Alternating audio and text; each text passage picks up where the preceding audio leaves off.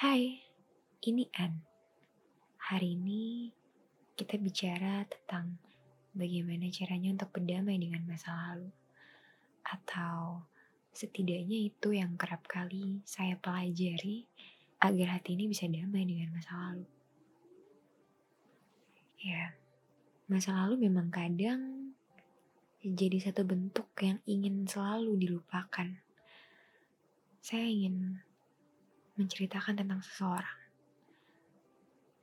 Satu tokoh utama yang memenuhi masa lalu saya.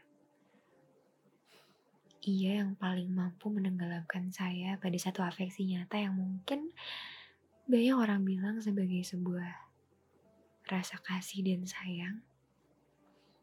Namun pada akhirnya ia juga yang menenggelamkan saya pada perasaan yang tak bisa saya rasakan yaitu kehilangan seseorang.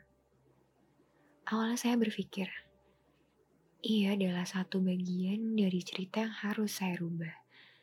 Yang pada akhirnya akan saya tulis kembali demi menjadi bacaan yang sempurna. Tapi tak lama pemikiran itu hancur terbunuh pemikiran lainnya yang sepertinya jauh lebih dewasa. Belakangan ini, entah kenapa saya merasa hingga kini saya tidak menyesal. Saya jelaskan lagi benar, saya pernah menaruh harapan dan akhirnya dipatahkan. Dan dialah pemantiknya namun saya tidak menyesal. Karena dewasa ini, saya rasa pilihan untuk berdamai dengan masa lalu jauh lebih baik dari sekedar membuka lembaran baru untuk menemukan kebahagiaan. Jauh lebih bijaksana untuk bisa merendahkan hati dan dengan seikhlas-ikhlasnya memaafkan hal-hal menyakitkan di masa itu. Ya karena saya tahu, ketika saya melakukan hal itu, artinya saya punya hati untuk belajar. Belajar untuk paham, mengerti tiap-tiap retakan yang dirasakan kala itu, membuat saya sadar bahwa yang namanya juga hidup. Begitu rancu dan membingungkan.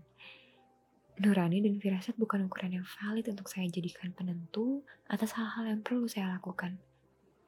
Ya, terkadang kan beberapa hal terjadi tidak sesuai dengan apa yang kita harapkan. Karena semesta juga punya rencana dan Tuhan ikut campur atasnya. Kita manusia hanya bisa berharap. Memang kadang membingungkan sih. Kesal mengetahui bahwa adalah sebuah kesia-siaan untuk menerka-nerka hari esok. Kehidupan kan bukan hanya sekedar tentang pertanyaan dengan pilihan ganda. Karena probabilitas atas hal-hal yang mungkin terjadi kepada manusia tidak tentu. Tidak tentu kapan akan bahagia, kapan pasti sakit hati, kapan harus merelakan, kapan terpaksa minta maaf, atau kapan akhirnya memaafkan. Yang jelas, menurut saya sebaiknya biarkan saja berjalan dengan sebagaimana mestinya. Karena saya percaya, Cara terindah untuk pulih dari lara adalah dengan mengikhlaskannya. Untuk mengobati pilu dan kesedihan, sebenarnya kita tidak harus selalu melupakan. Terkadang kita hanya perlu mengikhlaskan. Dan biarkan lara itu mengajarkan kita bagaimana cara untuk bisa menjadi manusia yang jauh lebih kuat. Jadi bertahan. Bahagia selalu.